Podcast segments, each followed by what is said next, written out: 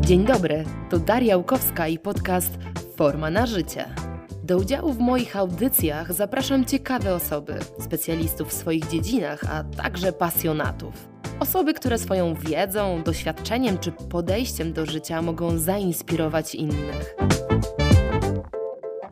Projekt Forma na życie stworzyłam z myślą o tym, aby promować zdrowe podejście do zdrowego stylu życia. Podejście holistyczne, bo liczy się tu nie tylko dieta czy ciało, ale też bez skrajności, bo w życiu ważna jest równowaga. Cóż, zapraszam do wysłuchania podcastu. Moim gościem jest Maciej Jabłoński, polski dziennikarz, prezenter telewizyjny, lektor, trener emisji głosu i wystąpień publicznych, ale i absolwent Akademii Muzycznej, a przy okazji posiadacz imponującego głosu. Cześć Maciej. Cześć, dzień dobry. Strasznie trudny początek, bo jak już mnie tak przedstawiłaś, to wszystkim się będzie wydawało, że jestem nie wiem kim. Ale po części tak jest, prawda? Bo no, masz imponujący w zasadzie dorobek zawodowy. Powiedz, jak to się stało, że jesteś tu, gdzie jesteś w zasadzie i zajmujesz się takimi fantastycznymi rzeczami? Ale jestem tu, gdzie jestem ogólnie, bo to Zawodowo. będzie długie, czy dziennikarsko, czy lektorsko, czy jak? Właśnie. E, głos zawsze mnie fascynował. E, I oczywiście to jest banalne, co powiem, bo to każdy e, przechodził w dzieciństwie, czyli jakieś wystąpienia na apelach, wierszyki, role w teatrach szkolnych, a potem gdzieś tam w liceum jeszcze jakieś próby. Natomiast Natomiast y, rzeczywiście praca głosem fascynowała mnie niesamowicie. Fascynowało mnie, mm, choć wtedy jeszcze nie potrafiłem tego mm, zwerbalizować, jak to jest, że niektórzy mówią w taki sposób, że ich się przyjemnie słucha, a innych się słucha mniej przyjemnie. Jak to jest, że niektórzy nie są ładni czy przystojni, ale mają w sobie jakąś taką charyzmę, mm, która wynika ze sposobu, w jaki mówią, że przykrywają wszystkie inne swoje niedoskonałości. Oczywiście nie myślałem wtedy tak analitycznie jak teraz, natomiast mm, takim nadrzędnym moim celem życiowym było to, żeby głosem zawodowo pracować. Jeszcze wtedy nie wiedziałem, że chcę być lektorem. E, lektorzy to byli przede wszystkim tacy wspaniali ludzie e, jak e, Zdzisław Szczotkowski, Lucjan Szołajski, Jan Suzin, czyli wszyscy ci lektorzy filmowi. Ja jestem piekielnie starą osobą, już mało kto jest starszy w Polsce ode mnie. E, natomiast nie było jeszcze reklam w związku z tym i nie wiedziałem, że rola lektora może być tak wszechstronna. Głos mnie fascynował nie tylko jeśli chodzi o lektora filmowego, ale bardzo podobał mi się głos wielu prezenterów telewizyjnych, no, że oczywiście o aktorach nie wspomnę i non-stop słuchałem. To były dawne czasy, nie było internetu, były tylko dwa programy w telewizji, ale było radio i było mnóstwo słuchowisk. W związku z tym y, razem z moim ojcem, który też bardzo, bardzo lubił i pracował zawodowo głosem, y, ale jako śpiewak, zawsze, zawsze nagrywaliśmy, słuchaliśmy fantastycznych y, teatrów polskiego radia. No i potem się e, pojawiła jakaś konsekwencja, tak już w skrócie, żeby nie zanudzać, czyli pojawiła się telewizja. Wprawdzie praca przed kamerą, ale jednak kładłem główny nacisk na głos. No i tak jest do dzisiaj, to się jakoś fajnie rozwija. Kończyłeś najpierw Akademię Muzyczną, dziennikarstwo? Nie, nie studiowałem dziennikarstwa.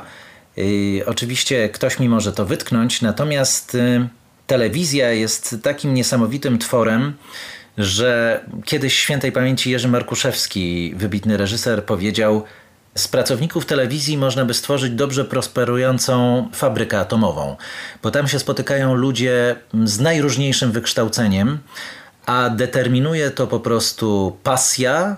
Nie mówię tu o parciu na szkło, bo przecież każdy w telewizji robi co innego i nie wszyscy są prezenterami czy reporterami. Pasja, talent, Dobra polszczyzna oczywiście, czyli umiejętność pisania, pisania dobrych, składnych tekstów. Telewizji można się nauczyć. Rzecz jasna nie deprecjonuję studiów dziennikarskich, mhm. natomiast nie jestem jedyną osobą, która twierdzi, że nie trzeba skończyć Wydziału Dziennikarstwa na Uniwersytecie Warszawskim czy jakiejkolwiek innej uczelni, szacownej uczelni, żeby sobie w telewizji poradzić, bo to jest zawód niezwykle praktyczny. I oczywiście e, ta wiedza teoretyczna, uniwersytecka jest bardzo ważna, ale w praktyce często okazuje się, że osoba po studiach dziennikarskich ma na starcie dokładnie takie same szanse, albo też start jej jest taki sam jak osoby po innych studiach. E, czyli krótko mówiąc, inteligencja, otwarta głowa, wszechstronna wiedza. Pewność siebie pewnie. E, to też, to się oczywiście bardzo przydaje. E, nie mówmy tutaj o narcyzmie, ale pewność siebie, pewność siebie tak, bo to jest trudna praca. Początki w telewizji są dla wielu osób trudne, jeśli nie mamy gdzieś z tyłu takiego słowa, którego ja bardzo nie lubię, nepotyzm. Mhm. Jeżeli przychodzimy, mówiąc tak w cudzysłowie z ulicy, to początki w telewizji bywają trudne i wiele osób, wielu młodych ludzi, którzy dobrze rokowali, którym ja na przykład chciałem pomóc jako starszy kolega, odpadali, bo nie mhm. wytrzymali, bo jednak gdzieś, gdzieś, gdzieś tam się ta determinacja kończyła. W takim razie absolwent Akademii Muzycznej, tak? Absolwent Akademii Muzycznej. I zgrzeszę, jeśli powiem, że te studia nic mi nie dały. Dały mi bardzo dużo nadrzędną e, rzeczą, o której chcę powiedzieć, i właściwie tylko na tym można by poprzestać, to nawyk ciężkiej pracy. Mhm. Dlatego, że mm, ja kończyłem Wydział Instrumentalny. E, bycie instrumentalistą to są ogromne wyrzeczenia. Jeżeli podchodzimy do tego poważnie, jeżeli dochodzimy już do Akademii Muzycznej, a nawet ją kończymy, to nie ma takiego mm, absolwenta, wyższych studiów muzycznych, który by się prześliznął. Po prostu się nie da. To są ciężkie godziny ćwiczenia, a zatem właśnie przyzwyczajenie do takiego codziennego rzemiosła i systematyczności. To mi bardzo pomogło w zawodzie lektora. Ja nie miałem szczęścia, to już może uprzedzę mhm. Twoje kolejne pytanie, bo pewnie się zapytasz o ten głos. Ja nie miałem szczęścia, dlatego że, to znaczy jestem ogromnym szczęściarzem życiowym, żeby nie było. Natomiast y, Głos składa się z trzech takich podstawowych elementów. Na głos składają się cechy genetyczne i na to nie mamy wpływu. Cechy anatomiczne też nie jesteśmy w stanie tego zmienić, bo nie zrobimy sobie operacji plastycznych fałd głosowych, zwanych potocznie strunami. I cechy akustyczne. I tylko te cechy akustyczne możemy rozwijać. Ja w genetyce po tatusiu Dostałem niezwykle wysoki głos, co mojemu ojcu bardzo pomagało, bo on był tenorem altowym, jak powiedziałem, śpiewakiem, a takich głosów jest bardzo mało nie tylko w Polsce, ale na świecie. Eee, I nawet nie chcę się chwalić, ale była taka możliwość, żebyśmy się tu nie spotkali, bo, bo mój tata miał propozycję z Laskali, ale jej nie przyjął. Jednak bardzo silnie trzymała go Polska. Wychowywałbym się we Włoszech, to były bardzo dawne czasy nie o tym chciałem mówić. Natomiast mój ojciec miał piekielnie wysoki głos, to tak jak powiedziałem, jemu przynosiło chwałę, chlubę, e, natomiast, e, natomiast mnie jako przyszłemu lektorowi nie. I naprawdę ten głos był taki, przyrzekam. Ja mówiłem w ten sposób, przychodząc jeszcze do telewizji, do TVN-u w 1997 roku, mówiłem w ten sposób i stwierdziłem, że zrobię wszystko, żeby ten głos obniżyć. Oczywiście, oczywiście nie robiłem tego samemu. Samemu można zrobić sobie tylko krzywdę, bo naturalną reakcją jest wtedy, że ja mogę w ten sposób. I zaraz się zaduszę, zamorduję i tak dalej. Tak się nie da. Trzeba rozwijać te cechy akustyczne. Nie miałem problemu z oddechem, bo po Akademii Muzycznej grając na klarnecie oddech przeponowy miałem niemalże dobrze ustawiony. Podkreślam niemalże, bo jednak nastąpiła korekta dzięki mojej mistrzyni Marii Bończyk, z którą teraz współpracuję w Akademii Telewizyjnej. I to jest też paradoks, że skończyłem Akademię Muzyczną na klarnecie, a wcale dobrze przeponą nie oddychałem. Natomiast, natomiast rezonatory głosowe, czyli przestrzenie powietrzne, wzmocnienie strun głosowych, uelastycznienie ich itd., tak itd., tak pracowałem pod pełną kontrolą i tu miałem szczęście, pracowali nade mną najwybitniejsi logopedzi artystyczni, jakich można spotkać po prostu miałem szczęście, że w jakiejkolwiek telewizji nie pracowałem, tam mogłem korzystać z ich wiedzy, doświadczenia i zajęć z nimi. I byłem maniakiem, po prostu zamęczałem ich, a oni chyba byli nawet zadowoleni, dlatego że bardzo mało osób w telewizjach przywiązuje wagę do głosu. Najczęściej, kiedy mają już pozwolenie na czytanie materiałów czy występowanie przed kamerą, nie rozwijają się dalej. Ja miałem swój cel. No i się udało. I się udało tak bardzo, że, że teraz nie tylko korzystam z tego, ale i, i uczę jak pracować nad barwą. Czyli rozumiem, że nie do końca jest tak, że jeżeli ktoś się nie urodzi z e, świetnym głosem, idealnym do pracy właśnie głosem jakby lektorskim czy prezenterskim, jest nadzieja, żeby jeszcze to zmienić, e, Oczywiście, nad że tym tak. popracować. Oczywiście, że tak. Tylko uprzedzam, że to się wiąże z ogromną systematycznością. Nie trzeba oczywiście pracować nad głosem tyle, ile Paganini nad skrzypcami, zamknięty w komórce przez ojca, jak głosi legenda, po 8-10 godzin dziennie. Absolutnie nie. Y, wręcz byłoby to szkodliwe. To są niezwykle obciążające psychikę ćwiczenia, dlatego wystarczy, jeżeli robimy je z głową, wystarczy 20, góra 30 minut dziennie, ale przynajmniej 5 razy w tygodniu. To nie będzie tak, że jeżeli Dobra, dzisiaj nie mogę, bo mam mnóstwo zajęć, jutro się umówiłem na imprezę, pojutrze też będę cały dzień pracował, ale za to czwartego dnia mam wolne, więc poćwiczę 4 razy 20 minut. Nic z tych rzeczy. No to jest bardzo podobne do rozwoju fizycznego, to jest bardzo podobne do siłowni, do sportu. Nie nadrobi się czegoś w jeden dzień. To musi być systematyczna praca. I tutaj muzyka właśnie bardzo mi pomogła. Nie każdy jest w stanie sobie z tym poradzić. Mam przyjemność pracować z bardzo zdolnymi ludźmi, którzy są pełni zapału, ale nie wszyscy potrafią narzucić sobie taki reżim, żeby znaleźć gdzieś te 20 minut.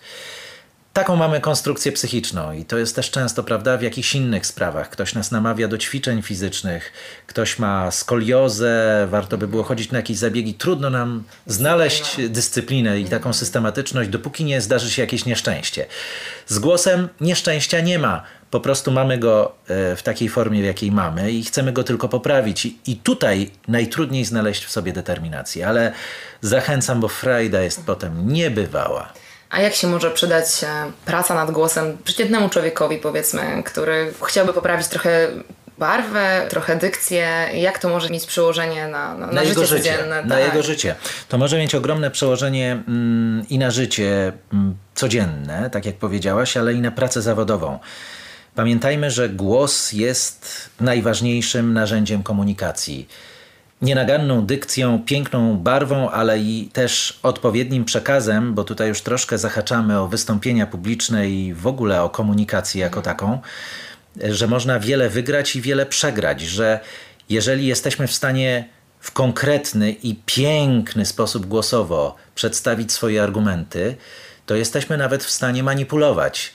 I Wielu polityków z tego korzysta przecież. Ci, którzy uwierzyli i zrozumieli, że warto trenować głos, bo można porwać tłumy, e, najzwyczajniej w świecie mogli kłamać, robiąc to w sposób tak przekonujący, że te tłumy porywali. No nie mówiąc już o strasznych dyktatorach, którzy których znamy i dzięki którym świat wygląda tak, jak wygląda. Nie będę ich wymieniał. Oni wszyscy ćwiczyli wystąpienia publiczne. Nie było takiego polityka, prominentnego polityka w historii świata, świata, po prostu świata, który by nie trenował wystąpień publicznych, nie trenował głosu.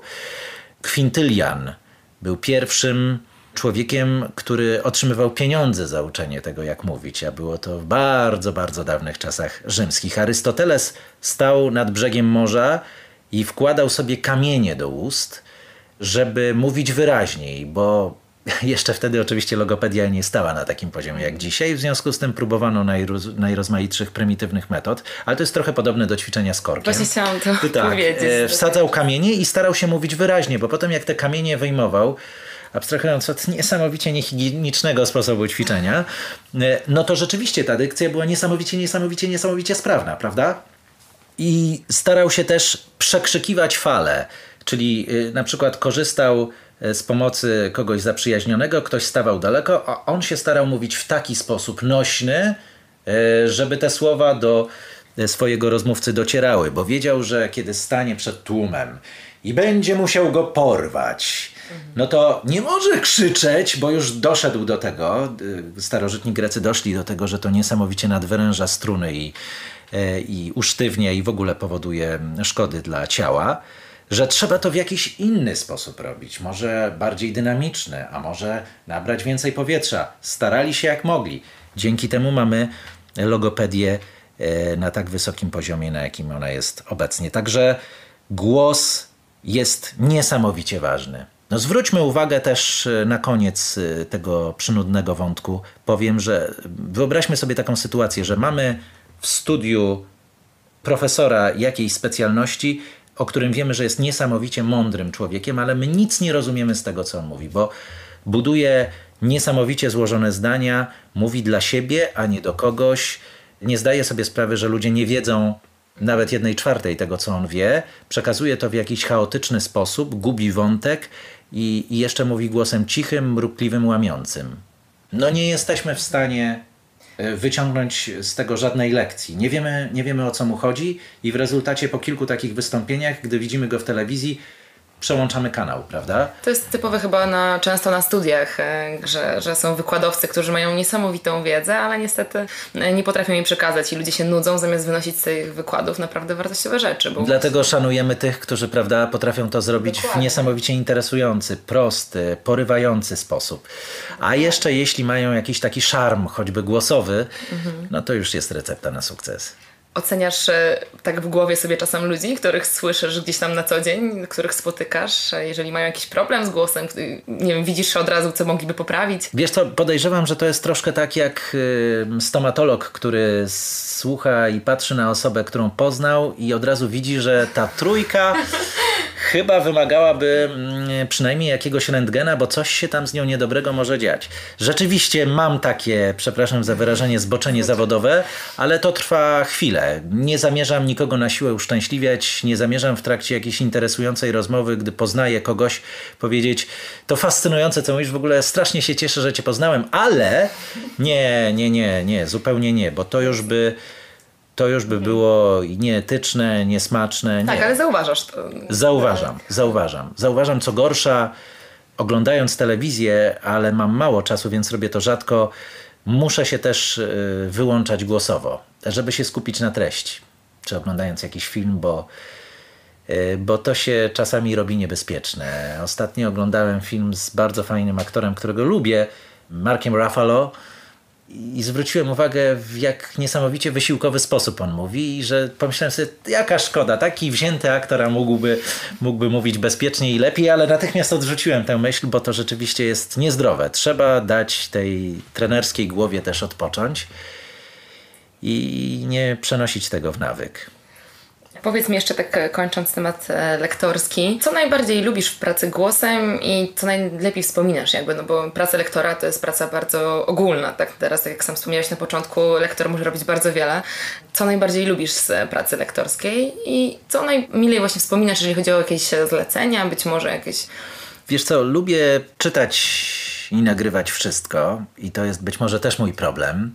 Y, zawsze ceniłem wąską specjalizację. Zacząłem od y, reklamy, tak jak y, wielu początkujących lektorów, dlatego że reklam nagrywa się niesamowicie dużo i nie mówię tutaj o jakichś wielkich kampaniach, bo rzecz jasna, kiedy jesteś początkująca, to trudno tutaj na tym szerokim rynku reklamowym i takim bardzo prestiżowym od razu od początku zaistnieć. Natomiast tych niskobudżetowych reklam jest w całym kraju sporo, bo też i stacji radiowych lokalnych jest dużo. Mm, uwielbiam filmy ogromną wartość przykładam do nagrywania audiobooków, dlatego że to jest taka według mnie najwyższa i najbardziej nobilitująca forma nagrywania. To jest jednak coś, co wiąże się z ogromną odpowiedzialnością i obok czego nie da się przejść obojętnie, chociaż są audiobooki źle przeczytane, bywają, znajomi zwracają mi na to uwagę, ponieważ coraz więcej książek powstaje w wersji audio i zdarza się czasem, zdarza się, chociaż nie chcę tu nikogo urazić, że czytają to osoby, które nie są chyba tak do końca predystynowane do tego, żeby nagrywać.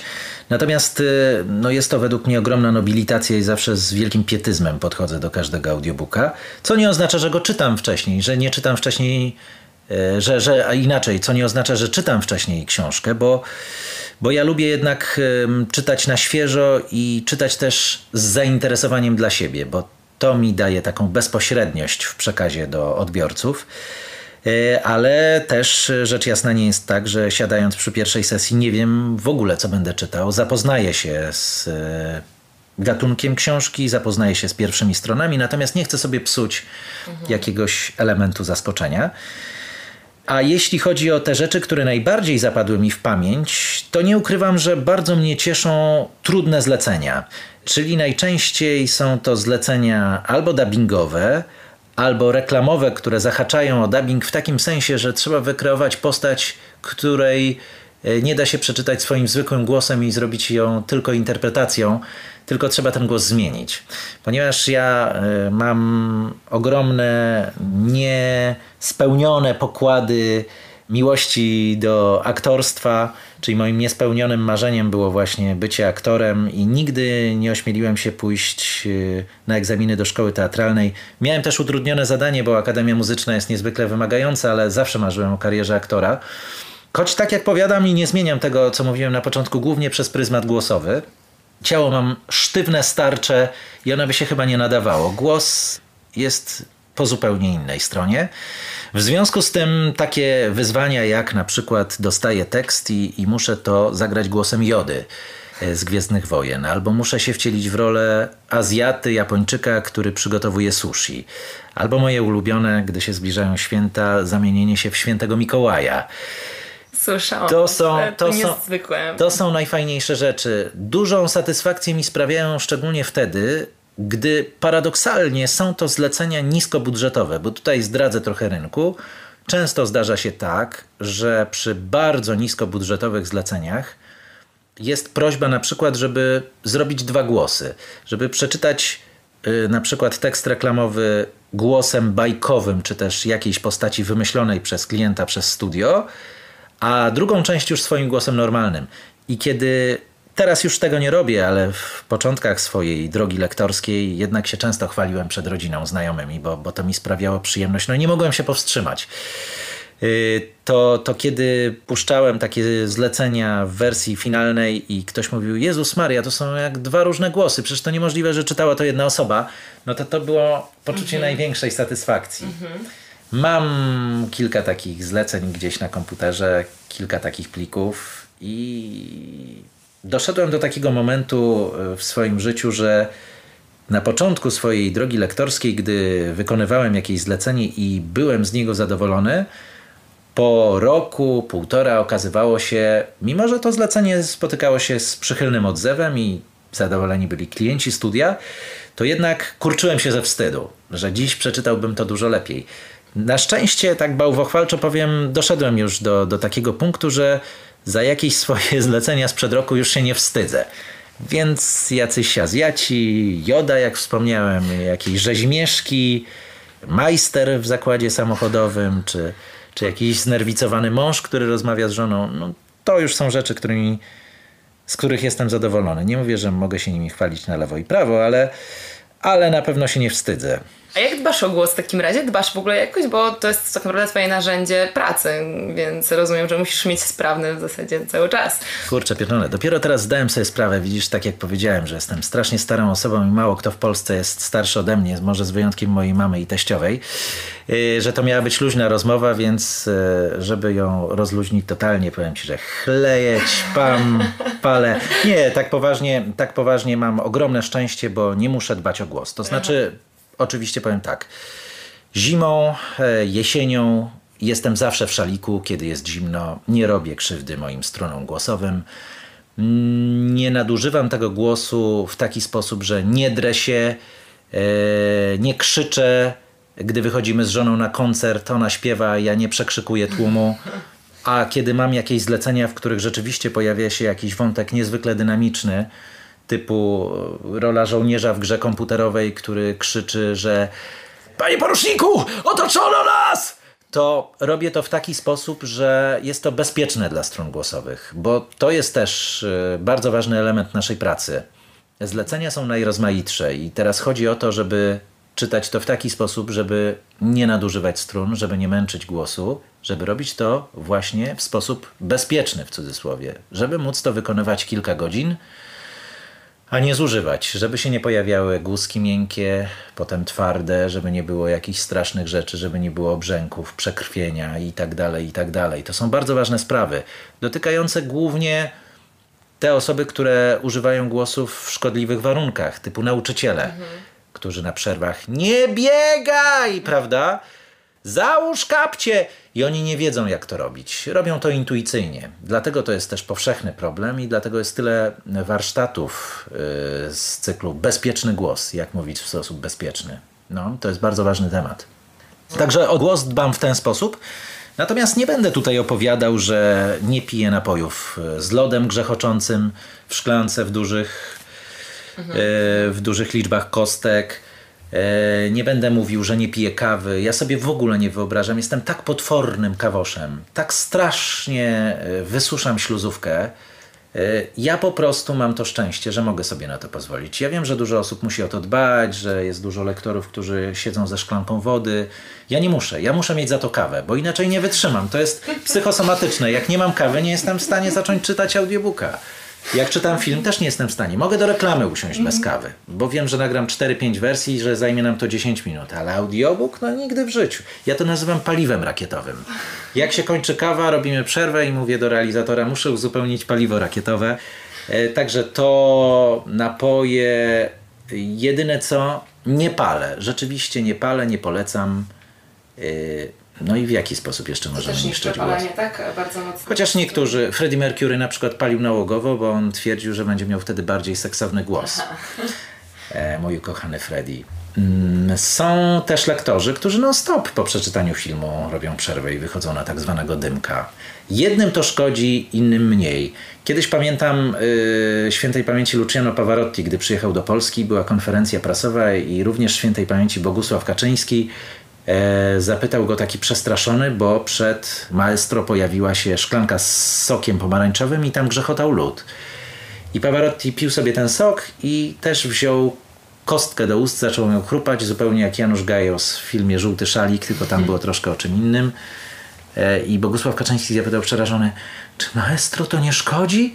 Pavarotti tak popatrzył zdziwiony i mówi, komu szkodzi, temu szkodzi. Ja cały czas tak robię. Jeśli rzeczywiście komuś to szkodzi, a lubi, no to współczuję. Ale jest też duża grupa osób, jak w każdym zawodzie, jak w każdych początkach swojej pracy, która przywiązuje niezwykłą uwagę do takiej otoczki, a nie do meritum. Ja kiedyś chcąc się uczyć języka angielskiego w dawnych czasach nakupiłem sobie 100 książek z różnymi testami, z kursami i tak dalej. Tylko, że jedyne co robiłem to kupowałem książki, ja nie rozwiązywałem tych testów. No tak. I są też takie osoby, które skupiają się dużo bardziej nad tym, jak dbać o głos, ale e, żeby się wysypiać, oczywiście trzeba się wysypiać, e, bo coś tam tutaj herbaty nie wypije, bo wysusza, a mają inne problemy. Nie mają doskonałej dykcji, powinny pracować nad barwą, interpretacja też szwankuje. No to tak jest. Mhm. A są osoby, które mm, jakby z góry wiadomo, że nie będą mogły zostać lektorami, to jest jakieś wady wymowy, które zdecydowanie uniemożliwiają e, bycie w tym zawodzie? To wszystko zależy od tego, co powie foniatra i to wszystko zależy od tego, co powie logopeda. Taki logopeda kliniczny, nie logopeda artystyczny, nie logopeda medialny, chociaż yy, oni rzecz jasna też yy, są wśród nich wybitni fachowcy. Natomiast jeżeli tak najogólniej, jeżeli nie mamy żadnych wad anatomicznych, które uniemożliwiają nam mówienie z perfekcyjną dykcją, jeżeli nie mamy żadnych wad stomatologicznych, które nam to totalnie utrudnią, uniemożliwią wręcz, no mam niestety jedną taką uczennicę, jesteśmy tego świadomi, to możemy czytać. Ale jest też drugi warunek: słuch i wyobraźnia bo miałem już takich uczniów, którzy mieli nienaganną dykcję i mieli też świetną barwę, ale nie słyszeli. I osoby, które nie słyszą, mają piekielnie utrudnioną drogę, dlatego że ja mogę im mówić: zaatakuj tę, ten wyraz z góry. E, nie w ten sposób zaakcentuj ten wyraz, nie sylaba akcentowana od dołu, tylko od góry, albo odwrotnie. E, zastosuj stożek antykadencyjny i pokazuję, i mówię. E, I, I ten ktoś kiwa głową, a za chwilę i tak robi to w taki sposób, w jaki robił poprzednio, bo przyznaje, że ja nie słyszę różnicy. No to wtedy mamy gigantyczny problem. I trzecia rzecz, tak jak powiedziałem, wyobraźnia, bo też spotkałem osoby, które miały świetną dykcję, fantastyczną barwę i nawet rozumiały wszelkie prawidła związane z prozodią, czyli akcent, intonacja, tempo, próbowały to, e, próbowały to różnicować, ale kompletnie nie czuły i nie przeszły takiej granicy takiego po prostu opowiadania, a nie odczytywania. To tutaj głównie piję oczywiście do audiobooków, o których mhm. wspomnieliśmy, że, że niby wszystko było na miejscu, ale ta historia w ogóle nie była historią. Zdania były oderwane od siebie. I nie mówię o tym, że pomiędzy jednym a drugim zdaniem była jakaś długa pauza, że ktoś się musiał zastanawiać, co ja czytam dalej, tylko że te zdania nie tworzyły historii. to są bardzo e, nienamacalne rzeczy. To są tak subtelne różnice, które są w naszej głowie. E, spotykałem też takie osoby, które miały tego pecha, że ich głos był odzwierciedleniem, stuprocentowym odzwierciedleniem ich charakteru, duszy, bagażu, które za sobą ciągnęły, życiowego bagażu. Były to osoby, które miały ogromne takie poczucie wstrzemięźliwości głosowej. To znaczy, miały w sobie taki lęk przed głosowym ekshibicjonizmem, bo to jest ekshibicjonizm, blokady, tak. Bo zawód lektora, musimy to dobrze wiedzieć, e, w odróżnieniu od zawodu aktora, niektórzy mówią aktor głosowy na lektora, różni się tym, że nas nie widać. W związku z tym musimy wszystko namalować głosem. Nie ma mimiki, nie ma takiej komunikacji niewerbalnej. Jest mnóstwo aktorów, którzy nie mają dobrych głosów, a są świetni, prawda? Mają nawet ba, yy, dykcję do poprawy, ale mają fantastyczną taką osobowość całościową, prawda? I chcę powiedzieć, że my niestety musimy być fantastyczni tylko głosowo. My musimy całą postać namalować głosem. W związku z tym spotykałem takie osoby, które miały tak niesamowite blokady, jak powiedziałaś, że one nie potrafiły wyjść poza taki sztywny sposób i bezpieczny sposób czytania, że wszelkie jakieś ćwiczenia związane z emocją w głosie, a teraz wyobraź sobie, że jesteś staruszką, a teraz wyobraź sobie, że jesteś niesamowicie zagniewana, kończyły się właściwie bardzo podobnym efektem, takim stonowanym, spokojnym czytaniem książki telefonicznej. A były to osoby, które nie miały charakteru bonwivantów, bawidamków, hulajdusz, E, takich swawolnych dyziów, bo, bo takie osoby najczęściej mówią w sposób nadekspresyjny, prawda? Ale spotykam też takie osoby, które są niezwykle stonowane życiowo, taki chłodny Anglik, a mają to coś w głosie, że potrafią. Ale tak jak powiadam, no są też postacie, które mają takiego pecha i tacy ludzie, którzy tak mówią, jak żyją. W sposób jakiś bezpieczny, nieszczęśliwy, bo coś się złego spotkało i tego nie przewalczymy. Nie przewalczę tego ja. Może przewalczy to ktoś, kto jest terapeutą. Może przewalczy to specjalista od techniki Aleksandra, od treningu autogennego, bo, bo jest dużo, mnóstwo, jest mnóstwo takich e, rzeczy, które otwierają głos i to jest związane z, e, wnika, z wnikaniem w naszą osobowość fantastyczne ćwiczenia, ale to już, to już nie ja. Z tym, że to jest też trudne i nie wszyscy się decydują, żeby z tego skorzystać. Trzeba pracować, trzeba ćwiczyć i tu znowu wracamy do ćwiczenia. A to jest o tyle trudniejsze, że to już jest praca nad sobą. A praca nad sobą jest jeszcze trudniejsza niż praca nad głosem. Dokładnie. Udzielasz konsultacji właśnie y, przyszłym lektorom i, i, osobom, które chcą pracować głosem. Lubisz pracować z innymi, przekazywać uwielbiam, wiedzę? Uwielbiam. Czasem się zastanawiam, czy bardziej wolę być lektorem, czy bardziej wolę pracować z przyszłymi lektorami. I nie tylko lektorami. Mhm. Wszystkimi, którzy chcą zawodowo i sprawnie posługiwać się głosem. To jest fantastyczne, naprawdę to jest fantastyczne do tego stopnia i mówię to zupełnie szczerze. To, to nie jest teraz na potrzeby tego podcastu. Mówię to zupełnie szczerze. Byłem niesamowicie szczęśliwy, kiedy jeden z moich studentów wygrał ze mną casting. Mhm. To było coś tak niesamowitego. Znam pewnego realizatora z y, jednego z prestiżowych studiów. Kiedyś się spotkaliśmy przy okazji warsztatów. Y, on ze mną współpracował i y, jak się poznaliśmy pierwszy raz, on mi powiedział: Panie Maciej, po co pan to robi? Konkurencję pan se robisz? I to jest bez sensu, będą zalewać ten rynek. Ja tak popatrzyłem, mówię, no panie, nie będę wymieniał imienia. Oczywiście, chociaż y, fantastyczna postać, świetny realizator. No ale no, jeżeli będą lepsi ode mnie, to to mnie tylko motywuje do dalszej pracy, a poza tym no to jest też mój sukces, no to jest fantastyczne, no, to jest fenomenalne, a jeżeli ten poziom się e, lektorstwa w Polsce będzie podnosił, ale wiem, że są takie osoby, gdzieś słyszałem jakieś opinie, które mają mi za złe, że, yy, że to robię, że robię tłok w tym środowisku.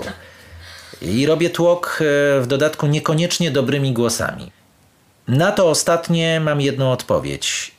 Studia profesjonalne nigdy nie zatrudnią miernego lektora, mhm. tylko dlatego, że powiedział. E, byłem na dwóch warsztatach Macieja Błońskiego i Maciej powiedział, że mogę już startować. Nie będzie to miało żadnego znaczenia. Jeżeli studio da zlecenie takiej osobie, to znaczy, że ta osoba jest dobra. Jak jest dobra, no to przepraszam. To tak jak z piłkarzami, z aktorami. Aktorów też jest multum i nie mają pracy. I tak. co? czy mają mieć pretensje do szkoły teatralnej, którą prowadzi w Warszawie Wojciech Malajkat, mhm. że przyjmuje studentów, czy do pani Doroty Segdy w Krakowie, że, że też przyjmuje przyszłych aktorów? Takie życie rynek zweryfikuje zawsze. Tak jest. To się mówi. Przechodząc jeszcze na chwilę do Twojego drugiego zawodu, jakim jest bycie prezenterem, opowiedz trochę, jak to się stało, że Ty się zacząłeś zajmować akurat byciem prezenterem sportowym.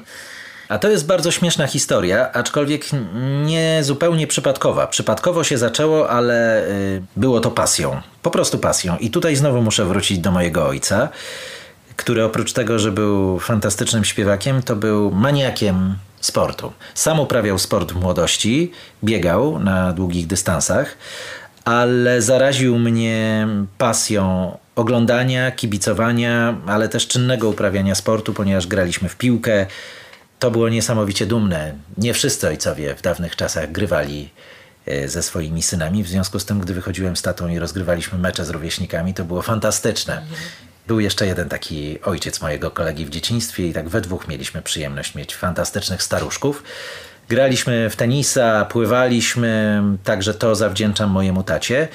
I też e, tu od strony dziennikarskiej, bo tata pasja do sportu jako takiego. Natomiast jeśli chodzi o stronę dziennikarską, e, sytuacja była o tyle śmieszna, że ja chodziłem do klasy z jednym z najlepszych polskich komentatorów piłkarskich, Tomkiem Smokowskim. I chodziliśmy do klasy, siedzieliśmy w ławce, kumplowaliśmy się. Tomek tak często w piłkę jak ja nie grał, ale on już od dziecka chciał być dziennikarzem i miał niesamowicie głęboką wiedzę piłkarską, sportową.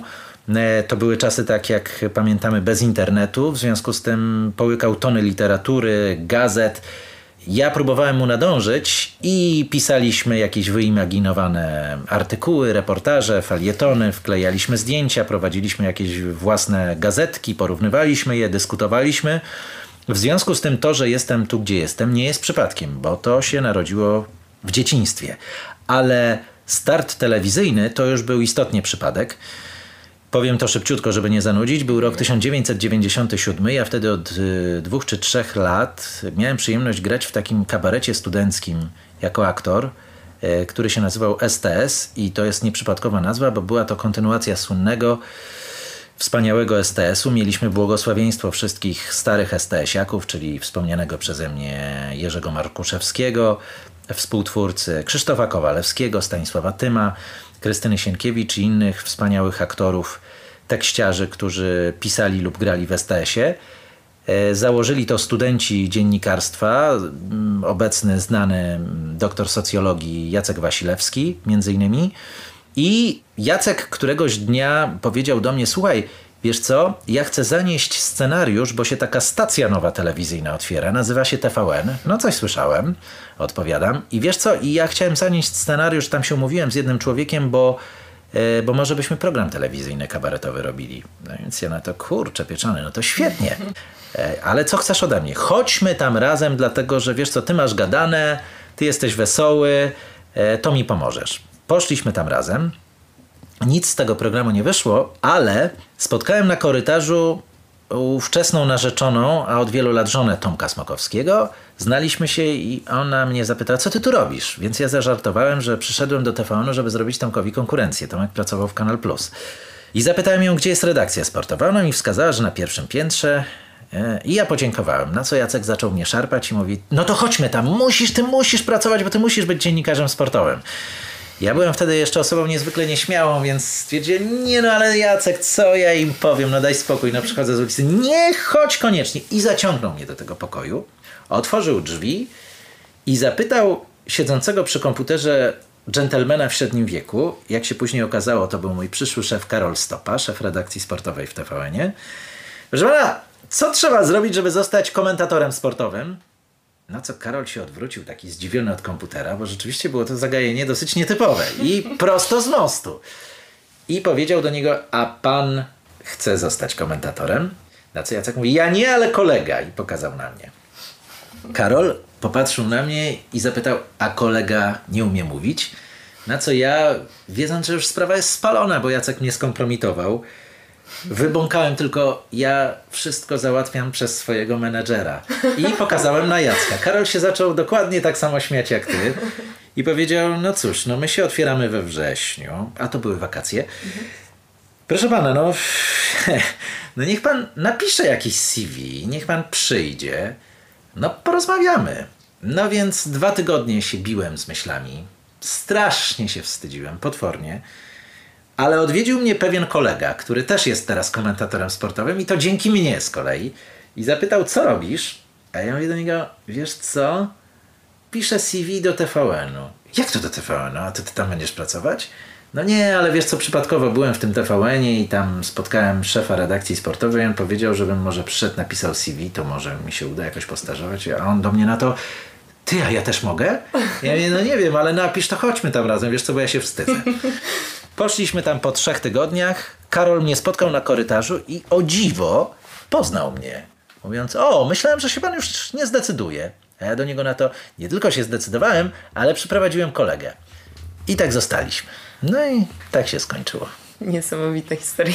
No tak, w życiu trzeba mieć szczęście, trzeba trafić na odpowiedni czas. To jest też bardzo ważne w tak. środowisku lektorskim, bo studia są przepełnione lektorami i często zdarza się, że nie odpisują na maile młodym ludziom. Mhm bo dostają takich maili dziesiątki dziennie, że strasznie trudno umówić się na próbkę, ale czasami są takie sytuacje, że ktoś opowiada, że dostał się na próbne nagranie i od razu wysyłano jego głos na castingi do prestiżowego studia, do którego na przykład inni, e, w tym mówiący te słowa, mieli strasznie trudno i trudno im było się dostać, nawet gdy byli już osobami doświadczonymi. Mhm. Także odpowiedni czas, odpowiednie tak. miejsce, dużo szczęścia. Ale też trzeba potem wykorzystać swoją szansę. Zaczynałem od noszenia taśm, mhm. po prostu od noszenia taśm, od archiwizowania przekazów sportowych, a potem pierwszy jakiś z dumą napisany 10-sekundowy tekst, pisany mhm. pół dnia ze strachu. Potem jakiś dłuższy tekst, potem pierwszy tak zwany off, czyli możliwość przeczytania swojego tekstu, potem pierwszy jakiś wyjazd na zdjęcia, pierwszy stand-upper, czyli pojawienie się przed kamerą w materiale, prawda? Potem jakieś próby kamerowe do serwisu sportowego, e, wygrane te próby kamerowe, pierwsze serwisy i tak dalej, i tak dalej, i tak dalej. Zaczynałem po prostu od roli gońca. Mhm. I to jest wspaniałe. To jest wspaniałe, bo dzięki temu docenia się to, co się ma. E, z sentymentem wspomina się, jak się przechodziło całą tę drogę i też po prostu wie się, jak się to robi, bo gdy się przychodzi od razu z marszu na casting prezenterski i wygrywa się ten casting i prowadzi się program, to jest fantastyczne. Oczywiście i każdemu tego życzę, jeżeli o tym marzy. Natomiast ja doceniam to, że tak jak wielu innych, mm, przeszedłem te wszystkie szczeble, bo wiem, jak się robi telewizję. Mhm. Po prostu nie ma przede mną żadnych tajemnic. Wiem, jak się pisze tekst, jak się skraca tekst. Wiem, co jest najważniejsze. No, no mam cały po prostu ten background i to jest bezcenne. Czyli to, że teraz Ci widzimy e, w studio, mm, powiedzmy w trakcie olimpiady, czy, czy w trakcie skoków e, mhm. narciarskich, to nie jest przypadek i to nie jest tak, że nagle z dnia na dzień się tam zjawiłeś, tylko nie, przyszedłeś swoją pracę. Oczywiście, że tak. I były wzloty, i były upadki, i były jakieś tracone programy, i były jakieś zdjęcia z anteny. W dawniejszych czasach nie ukrywam, oczywiście teraz, teraz się tego nie boję aż e, tak bardzo. I oczywiście to zawsze może się zdarzyć, bo, bo może przyjść szef, któremu się nie będę podobał i tyle.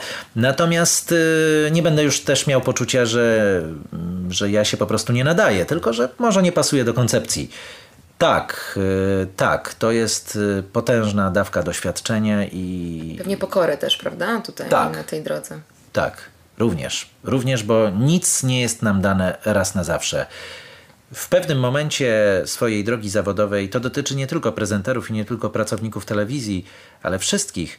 Natomiast mówimy o telewizji, pojawia się takie niebezpieczeństwo rutyny. I ta rutyna może gubić, że już wszystko umiemy, że nie musimy się przykładać, że wybrniemy z każdej sytuacji. Telewizja potrafi zaskoczyć każdego dnia. Ja nie mówię tu o decyzji szefostwa, o której wspomniałem, tylko o czymś nieoczekiwanym w programie, o tym, że napisaliśmy tekst, a byliśmy myślami gdzie indziej i nagle napisaliśmy go niechlujnie stylistycznie, bo się trzy razy powtarza to samo słowo zdanie w zdanie, albo nie sprawdziliśmy jakiejś informacji, bo nam się wydawało, że już tyle wiemy, że, że nie musimy tego sprawdzać mhm. i dostajemy wtedy po głowie i jest zimny prysznic. Jest pytanie, jak to się mogło stać? Jak mogłem do tego dopuścić? Lepiej mieć to zawsze z tyłu głowy, że każdy program Oczywiście nie traktować tego jako mój pierwszy program w życiu, ale każdy program traktować tak, jakbyśmy cały czas byli na dorobku. To tak kończąc już ten temat, co najbardziej Ci sprawia przyjemność w pracy prezentera właśnie sportowego? Wszystko, tak jak w lektorstwie, ale bardzo lubię rozmawiać. Mhm. Bardzo lubię rozmawiać z gośćmi w studiu. No nie będę ukrywał i będę monotematyczny, że najbardziej lubię i to mi się wciąż nie nudzi pracować przy transmisjach skoków narciarskich. Kocham skoki narciarskie. Sezon mógłby trwać dla mnie cały rok. Ale lubię rozmawiać na, na każdy temat. Naprawdę, po prostu lubię toczyć rozmowę. Im jestem starszy, tym bardziej doceniam luz. Im jestem starszy, tym bardziej myślę, że sport jest formą rozrywki. I oczywiście porażka reprezentacji Polski na Mundialu to ogromna rozpacz. Porażka na Igrzyskach Olimpijskich Kamila Stocha e, to ogromna rozpacz i jakaś strata finansowa dla niektórych ludzi, że w sporcie są ogromne pieniądze, w związku z tym nie można się tym wszystkim tylko bawić. Ale my, dziennikarze, powinniśmy mieć gdzieś z tyłu głowy, że tam, gdzie nie pojawia się przestępstwo, czyli tam, gdzie nie mówimy o korupcji, o dopingu, o polityce, która wpływa na sport, o reżimach, prawda? Przecież podczas igrzysk w Pjongczang, przed igrzyskami wiele się mówiło o tym, co może złego wymyślić Korea Północna. Zbliża się mundial w Rosji. E, tam, gdzie nie pojawiają się rzeczywiście poważne tematy, które zasługują na ogrom powagi, to pamiętajmy o tym, że sport wymyślono dla rozrywki, dla zabawy. W związku z tym, im jestem starszy, tym bardziej się staram prowadzić rozmowy w sposób luźny i prowadzić programy w sposób luźny, bo myślę, że ludzie mają tak dużo problemów w dzisiejszych czasach, że to powinno być rozrywkowe. Oczywiście nie rozrywkowe jak familiada, nie rozrywkowe jak koło fortuny, w inny sposób, ale luźne. Mhm, jasne. Jak odpoczywa Maciej Jabłoński? Prawie w ogóle. Prawie w ogóle. Jak odpoczywa, to z rodziną, a jak nie jest z rodziną, to nie odpoczywa. Gdy skończymy podcast, pójdzie nagrywać, a potem będzie miał jeszcze jedną konsultację, a potem jeszcze musi przysiąść oprócz nagrań bieżących do audiobooka, a potem jeszcze musi coś sprawdzić sprzętowo, bo się coś tam wysypało i nie wiem, czy to słuchawki, czy to wzmacniacz słuchawkowy, czy to kabel, mhm. więc praktycznie nie odpoczywa. Ale robi to, co kocha. Ale robi to, co kocha i odpoczywa właściwie robiąc co innego. Mnie relaksuje płodozmian. Mam niestety taką konstrukcję psychiczną, że gdybym pracował tylko w telewizji, to bym się zapłakał. Mhm. E, kocham czytać, kocham uczyć, ale gdybym odszedł z telewizji, to też bym się zapłakał. Mhm. E, gdybym nie mógł czytać, tylko bym uczył i pracował w telewizji, byłbym nieszczęśliwy. E, tak już mam, stety czy niestety. Dla jednych może stety, bo to jest bardzo fajne, ale z drugiej strony doceniam tych, którzy czerpią satysfakcję z jednego miejsca pracy i z jednego zawodu i tutaj nie można tego oceniać. Natomiast ja uwielbiam płodozmian i ten płodozmian daje mi odpoczynek. Jak idę do studia lektorskiego po telewizji, to nie czuję, że pracuję. Kompletnie. Jak wracam do domu i siadam przed laptopem i na przykład pracuję nad kolejnymi warsztatami, to też nie czuję, że pracuję. To odpoczywam z kolei po czytaniu. Pracoholizm, niestety. -hmm. Ale to, że to powiedziałeś, bo, bo no, mam podobnie, jeżeli chodzi o tą zmienność. E, czyli to nie jest nic nienormalnego, że... Tego nie wiemy, tego nie wiemy. Trzeba by się poradzić psychologa. Moja żona twierdzi, że jednak trochę tak Ach. i chyba ma rację.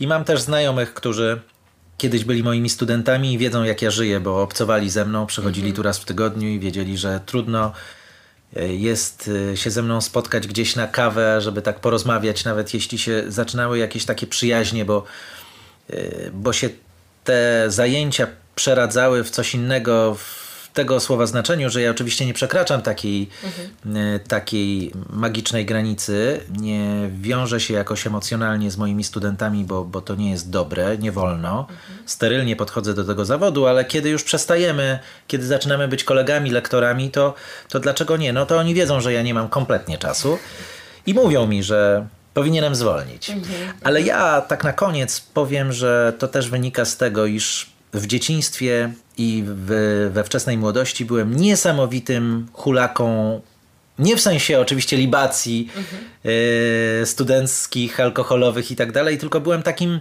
y, może źle powiedziałem, hulaką. Byłem bardzo niedojrzały i byłem takim swawolnym dyziem, kompletnie nie myślałem o przyszłości, żyłem chwilą, nie przejmowałem się niczym, byłem potwornie niedojrzały. I gdzieś to się obróciło o 180 stopni. W związku z tym teraz chyba nadrabiam mhm. to, co zmarnowałem w młodości, bo gdybym. A, zamknijmy to. To ostatnie pytanie. Twój sposób na dobrą formę na życie? Mój sposób na dobrą formę na życie jest taki, by robić zawodowo to, co się kocha i by mieć wokół siebie ludzi, którzy też Cię kochają, czyli najbliższych i Ci ufają. Mieć wokół siebie ludzi, którzy lubią Twoje towarzystwo i dzięki temu Ty lubisz towarzystwo swoich bliskich. Ale przede wszystkim, przede wszystkim podchodzić do każdego dnia jako do dnia słonecznego. Dzisiaj, jak rozmawiamy, świeci słońce. I mój sposób na życie, dobre życie, polega na tym, żeby nie wstawać po prostu z poczuciem, że to będzie ciężki, niefajny dzień. To ma być słoneczny dzień wakacyjny. Ty wstajesz, świeci słońce, jest 25 stopni i to będzie po prostu wspaniały dzień. Przeciągasz się, robisz kawę i wszystko będzie fajnie. Dziękuję wielkie za rozmowę. Dzięki. Dziękuję, że znalazłeś czas na wysłuchanie tego podcastu. Myślę, że z pewnością znasz kogoś, komu informacje tu zawarte mogą się przydać. Możesz podesłać mu link do tego nagrania. A jeśli zechcesz udostępnić ten podcast na swoich mediach społecznościowych, tym bardziej będzie mi miło, a projekt Forma na Życie będzie rozwijał się szybciej. Z góry dzięki. Jeśli chcesz obejrzeć ten podcast wraz z nagraniem wideo, wpadnij na mój kanał na YouTube. Znajdziesz mnie tam pod nazwą Daria Łukowska Forma na Życie. Zapraszam Cię też na moje media społecznościowe, czyli na Instagram i Facebooka, gdzie dzielę się moimi przemyśleniami z życia codziennego. Ja nazywam się Daria Łukowska, a to był podcast Forma na Życie. Do usłyszenia!